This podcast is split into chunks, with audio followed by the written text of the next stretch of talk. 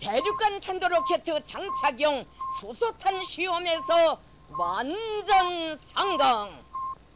Atomprogrammet på 440 Hz. Science is interesting, and if you don't agree, you can fuck off.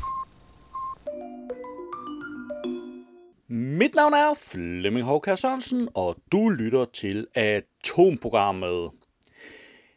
Ja, lad os uh, se lidt på, hvad jeg har med i den her uge, fordi jeg har mange gode sager med.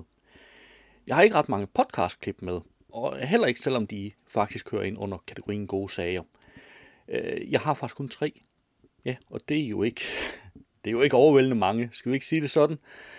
Men jeg har blandt andet en fra Vanvittig Verdenshistorie, der hedder Skam dig, Masabumi. Og det handler om en mand, der har været så nederdrægtig uforskammet, at han ikke druknede. Jamen, fy føjda. Hvordan kunne han overhovedet få den idé at lade være med at drukne? Det skal vi høre lidt om. Jeg har øh, også et klip med fra Videnskabeligt Udfordret, som handler om ligegyldige videnskabelige gennembrud. Og nogle af dem er måske ikke fuldstændig ligegyldige, og nogle af dem er måske egentlig rimelig ligegyldige. jeg var i hvert fald godt underholdt, skal vi ikke sige det sådan, og det håber jeg da også, du er. Og så har jeg Science Stories. Spor af dinosaurer og kampen om en kyst. Ja. Jeg har desværre ikke selv hørt afsnittet endnu. Men jeg glæder mig til at skal høre det, fordi da jeg lyttede indledningen, så tænkte jeg, det her, det bliver fedt. Og øh, det håber jeg lidt, du også tænker, når du hører indledningen. Derudover så har jeg selvfølgelig lidt nyheder med.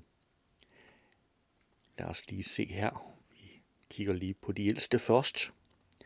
Forskere overrasket. Dinosaurer boede på Arktis året rundt. Ja. Evolutionen i nyt lys. Arkeologer opdager ukendt menneskeart. Og det synes jeg faktisk også, vi havde lidt om i sidste uge, men det her er endnu en ukendt menneskeart.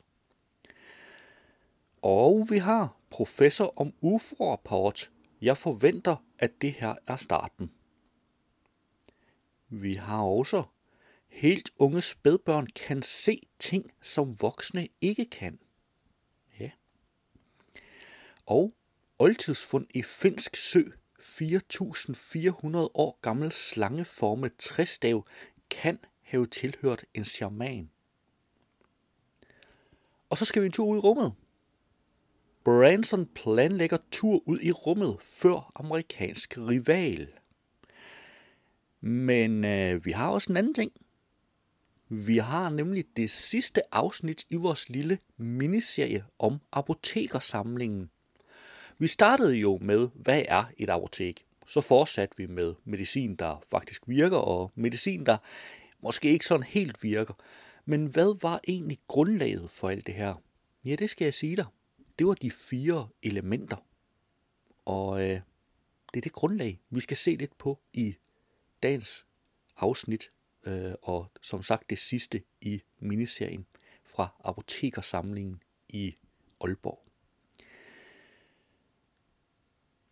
Derudover så skal vi selvfølgelig have ugens atom, og vi skal have ugens nyhedsoversigt fra NASA. Så vi har egentlig ikke tid til alt det her pjat. Lad os komme i gang. Lad os kaste et hurtigt blik på, hvilke podcasts, der er dukket op i løbet af ugen. I denne uge er der også en ny udgave af Science Stories podcasten. Det er blevet sommer, og de fleste er gået på ferie, men Science Stories holder ikke fri. Vi sender i ferien fem podcasts de næste fem uger i en serie om dinosaurer. Serien er lavet af videnskabsjournalist Antje Poulsen, som interviewer forskellige forskere og selv fortæller gedigende dinosaurhistorier.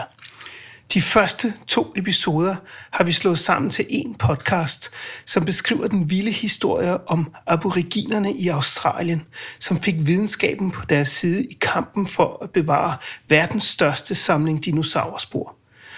Derefter fortæller paleontolog Jesper Milan fra Geomuseum Faxe om den begivenhed, som udslettede de fleste dinosaurer for 66,6 millioner år siden, og som har sat et særligt spor i kalkformationerne på Stevns.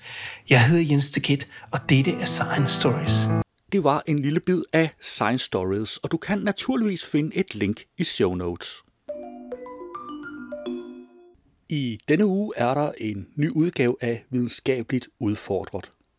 Det er også lige gået op for mig, hvis du tager en hel masse nøgne mennesker, og smører dem ind i olie, og så kaster dem ind i et rum, så vil alle dvævne ligge ned os til sidst. det, det er bare overhovedet ikke særlig intuitivt. det, Hvorfor? Hvorfor kom du på det? Hvad? Hvorfor kom du på det? Det kom bare lige til at tænke på. Hvis de mindste partikler, partikler ligger ned, så, må, så, må, så løfter alle dvævne bare ved deres tilstedeværelse de svært overvægtige mennesker til toppen af bunken. Det var et lille klip af Videnskabeligt Udfordret. Du kan finde et link i show notes. I denne uge er der en ny udgave af historiekomedy-podcasten Vanvittig Verdenshistorie. Men vi skal faktisk snakke om en, en lidt gammel historie, som Ja. faktisk trækker enormt mange tråde til det samfund, som vi lever i i dag. For vi skal snakke om en historie, hvor der foregår en ret voldsom udskamning af et enkelt menneske, baseret på nogle valg, som mange mennesker formentlig godt vil kunne forstå. Okay. Nå. Vi skal tilbage til 1870. Vi skal til Japan, hvor Masabumi Hosono, han bliver født i uh, Hokura i Niigata-præfekturet. Ja. Endnu en japansk historie. altså, det er, det, er, Hvor vi massakrerer. det japanske sprog. Det var et lille klip af Vanvittig Verdenshistorie. Du kan finde et link i show notes. Det var et overblik over ugens podcasts.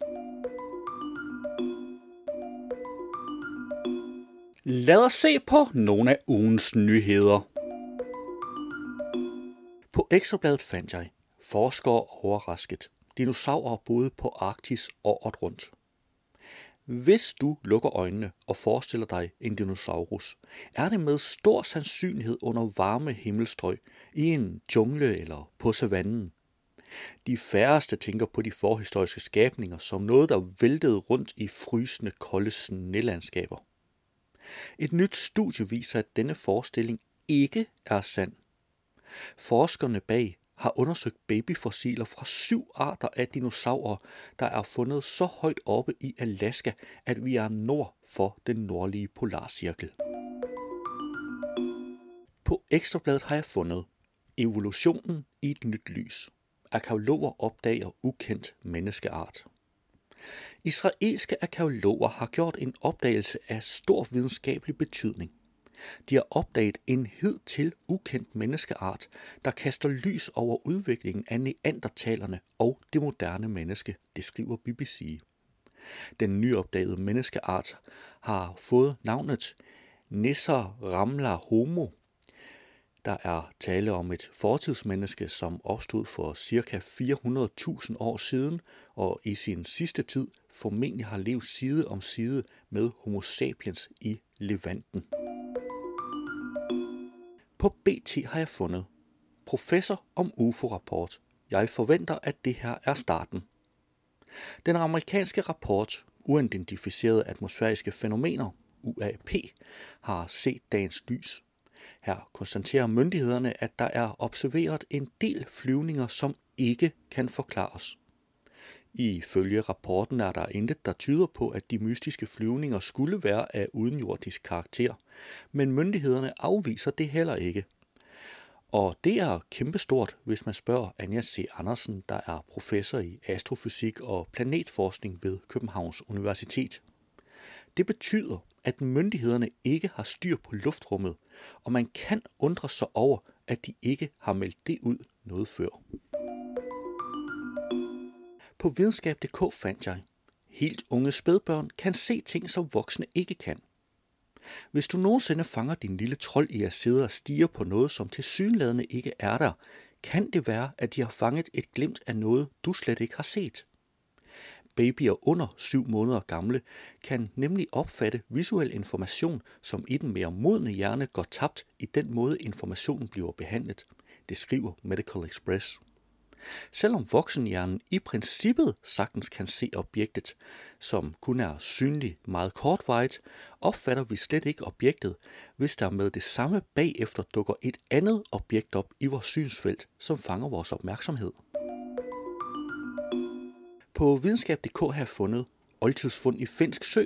4.400 år gammel slangeformet træstav kan have tilhørt en shaman. En 4.400 år gammel træstav, der er blevet skåret ud, så den har form som en slange, er blevet fundet i en sø i sydvestfinland, skriver Life Science. Staven kan have tilhørt en shaman, eftersom folk inden for den finske og samiske kosmologi førhen mente, at shamaner kunne forvandle sig til slanger, vurderer forskerne bag et nyt studie om fundet, udgivet i Antiquity. På Ekstrabladet har jeg fundet, Branson planlægger tur ud i rummet før amerikansk rival. Den britiske milliardær Richard Branson planlægger at rejse kortvarigt ud til kanten af rummet med sit selskab Virgin Galactics egen rumkapsel 11. juli. Selskabet vil bruge hans observationer fra flyvetræningen og rumtur til at forberede rejsen for alle fremtidige astronautkunder, skriver Virgin Galactic. Hvis tidsplanen holder, vil Branson komme ud i rummet før den amerikanske milliardær og stifter af e-handelsgiganten Amazon, Jeff Bezos. Det var ugens nyheder, og du kan naturligvis finde links til samtlige artikler i show notes. Ja, jeg sidder her sammen med Per Hadsund fra Nordjyske Museer i Apotekersamlingen. Og øh, vi skal se lidt på, hvad, øh, hvad sådan grundlaget for, for øh, medicin er. Hvad er, hvad er øh, det logiske tankegrundlag, der lå til grund? Man kan så sige, om det er logisk i dag eller ej, det skal vi ikke lige tage stilling til, men, men hvad var logikken, dengang man ligesom begyndte på alt det, der er medicin i dag? Hvis vi ser på alle de slags medicin, som vi har eller har rester af, eller hvor vi har krukker, hvor der har været medicin i apotekersamlingen, så kan man sige, så, så er grundlaget for at lave den medicin egentlig flere forskellige slags. Altså noget af det vil vi kalde øh, folketro eller overtro i dag. Noget af det, det er simpelthen bare erfaring. Hvis jeg øh, spiser den her urt, så falder jeg i søvn. eller det holder op med at gå ondt. Øhm, men man kan sige, at det allermeste af det, det bygger faktisk på en, øh, en teori, som er cirka 2.000 år gammel. Og som er den teori, som øh, vestlig europæisk øh, lægekunst og lægevidenskab øh, benyttede sig af i 1700 år, altså næsten fra øh, det opstod i Grækenland, og så op til midt i 1800-tallet. Og det er det, der hedder øh, humoral patologi. Humor, det er virkelig noget med væsker, og det handler om de fire lægemsvæsker, der er. Øh, og den tager i virkeligheden udgangspunkt i en anden teori, som vi godt kender. Det allerfleste af os, det er den om de fire elementer. Og øhm, ideen om de fire elementer, som vi måske opfatter som sådan noget fantasy eller alkemi, eller noget vi kender fra computerspil og middelalderfantasier, øh, det er i virkeligheden ikke særlig mystisk. Det er de gamle grækers forsøg på at lave en standardmodel, så at sige. En total enhedsforklaring på alt i verden. Og man kan sige, det er måske verdens første, altså den allerældste forsøg på at lave en ikke mystisk, ikke religiøs, øh, på den måde videnskabelig forklaring på alt, hvad der sker i verden. Og det, der var udgangspunktet her, det var, at man sagde, at når man deler det her mangfoldige liv, øh, som er blåt og grønt, og gult og varmt og koldt, og kvinder og mænd og dyr og blomster og sten, øh, som farer rundt mellem hinanden, vi deler alt det ned, så må der være på et eller andet tidspunkt, så består der af nogle udelelige dele. Det var dem, der opfandt ordet atom, som bare betyder udeleligt. Og så gjorde de så også tanker om, og blev ret enige om, at øh, i virkeligheden var der måske bare en som udgangspunkt en slags stof, en materie, den første materie, prima materie. Og den blev så påvirket af nogle grundkræfter. Og de her grundkræfter, det synes jeg også, det er rigtig godt valgt. Det var, det var varme. Man ved, der sker rigtig meget med de fleste ting, når vi varmer dem op eller brænder dem. Og i den anden ende af det, så må der selvfølgelig være noget kulde. Så har vi varme og kulde. Og så var der et andet sæt grundkræfter, og det var væde. Vi ved, hvor meget der er afhængig af, at der er vand til stede, for at der sker noget som selv, for eksempel biologisk, men også kemisk. Og modsat det våde, så var der selvfølgelig det tørre. Og når man kombinerede de her fire egenskaber, vådt, tørt, koldt øh, og varmt, så opstod de fire elementer. Der, hvor der var mest varme og tørhed, der var ilden. Der, hvor der var koldt og vådt, der var modsætningen, nemlig vandet, som slukker ilden. I midten var balancen, så at sige. Og så ude ved siderne af de andre verdenshjørner, der fik man så, eller fandt ud af at mene, at der hvor der var varmt og vådt, det er sådan det livgivende element. Det var vinden, der kom med varmen og væden om foråret og befrugtede den kolde og i sig selv golde jord. Så det kolde og det tørre, det er så at sige jorden. Det er den golde vinterjord. Og så har vi de fire elementer. Og, og så var tanken bare, at det ville afspejle sig i alting. Alt var indskrevet i det her system, hvor ting blev trukket ud i de her hjørner, øh, og i midten var der så balance. Og så opdagede man så, at, at øh, mennesket, det var selvfølgelig behersket af fire forskellige lægemsvæsker. Mente man. Der var blod, der var slim, som var øh, snot og sæd og lymfe og spinalvæske. Alt det der sådan nogenlunde klart ind i kroppen. Og så var der øh, den gule og den sorte galle. Det er lidt svært at finde ud af, hvad det er. Den gule galle, det er den, der vi godt kender, når man kaster op, og det brændte voldsomt. Det er virkelig lige så meget mavesyren. Øh, den, øh, den kaldte man gul galle, og så var den sorte galle. Og jeg skal sige, blodet var selvfølgelig vinden, for det er det, der kommer med, med livet og, og væden og livskraften. Øh, vandet, det svarer til slimen, altså alle de der slimede væsker i kroppen. Den gule gale øh, er selvfølgelig ilden, som brænder i halsen, når man kaster den op, fordi der er for meget af den. Og så er den sorte gale, som var, blev, kaldt, blev bundet til melankoli for øvrigt, og det svarer så til jorden. Og så galt det om, at hvis mennesket skulle være, mennesket skulle være i balance psykisk, altså mentalt og fysisk, så skulle der være balance mellem de her fire væsker. Blev der for meget af dem, så måtte man rense ud. Øh, eller man måtte give et middel, altså hvis man for eksempel var for, for varm, så skulle man have et koldt middel, og man for tør, skulle man have et vådt middel. Det førte til, at hvis folk var meget ildre og blodfulde eller rasende, eller havde blodskudte øjne og øh, årene dunket i hovedet af dem, så skulle der blod tappes fra dem, især fra hovedet.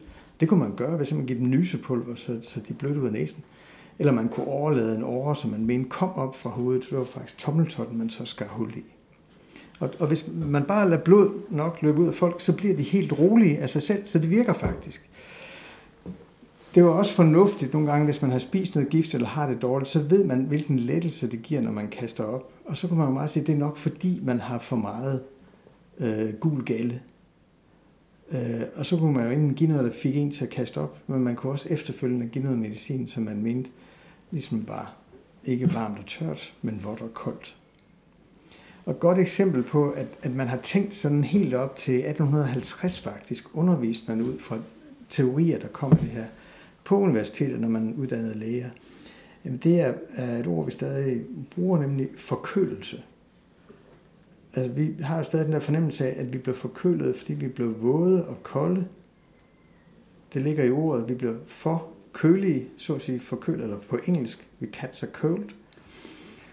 Øh, så det ligger altså dybt indlejret i sproget, og vi har også på fornemmelsen, det er derfor, vi bliver forkølet. Som regel bliver vi nu forkølet, fordi der er øh, en bakterie eller en virus i luften. Øhm, og det, der så sker, når vi bliver våde og kolde, så, ved vi, så kommer vandelementet ud af så løber det ud af os med snot og slim. Så vi kan næsten mærke, at det er rigtigt. Det føles rigtigt stadigvæk. Og det man så skulle, øh, det var, at man selvfølgelig skulle gå ind og tage tørt tøj på og sætte sig et varmt sted. Og så kunne man tage en hostesaft, der indeholdt nogle urter, som man mente var varme og tørre. Det gælder fx lakrids, og det gælder sådan noget som øh, anisolie, som meget ofte var i øh, hostesafter. Øh, og det allermeste lægemedicin, og det allermest, rigtig meget af det medicin, man vil finde her på apotekersamlingen, det tager faktisk udgangspunkt i den her balancelæger, som altså på sin vis er øh, logisk opbygget ud fra nogle bestemte regler, og øh, i en vis forstand også er videnskabelig, fordi den ikke har nogen overnaturlige eller mystiske forklaringer. Det man vil sige, der mangler i dag, det er jo, at man ligesom har efterprøvet, om det så også holder. Altså at man ikke har opbygget evidens, erfaringsbaseret evidens på det. Ja, jamen tak skal du have. Og det var øh, Per Hadsund fra Nordjyske Museer. Vi sidder oppe i apotekersamlingen i toppen af Jens Bang Stenhus. Og hvis du kunne tænke dig at læse lidt mere, så kan du kigge forbi deres hjemmeside. Der er et link i show notes.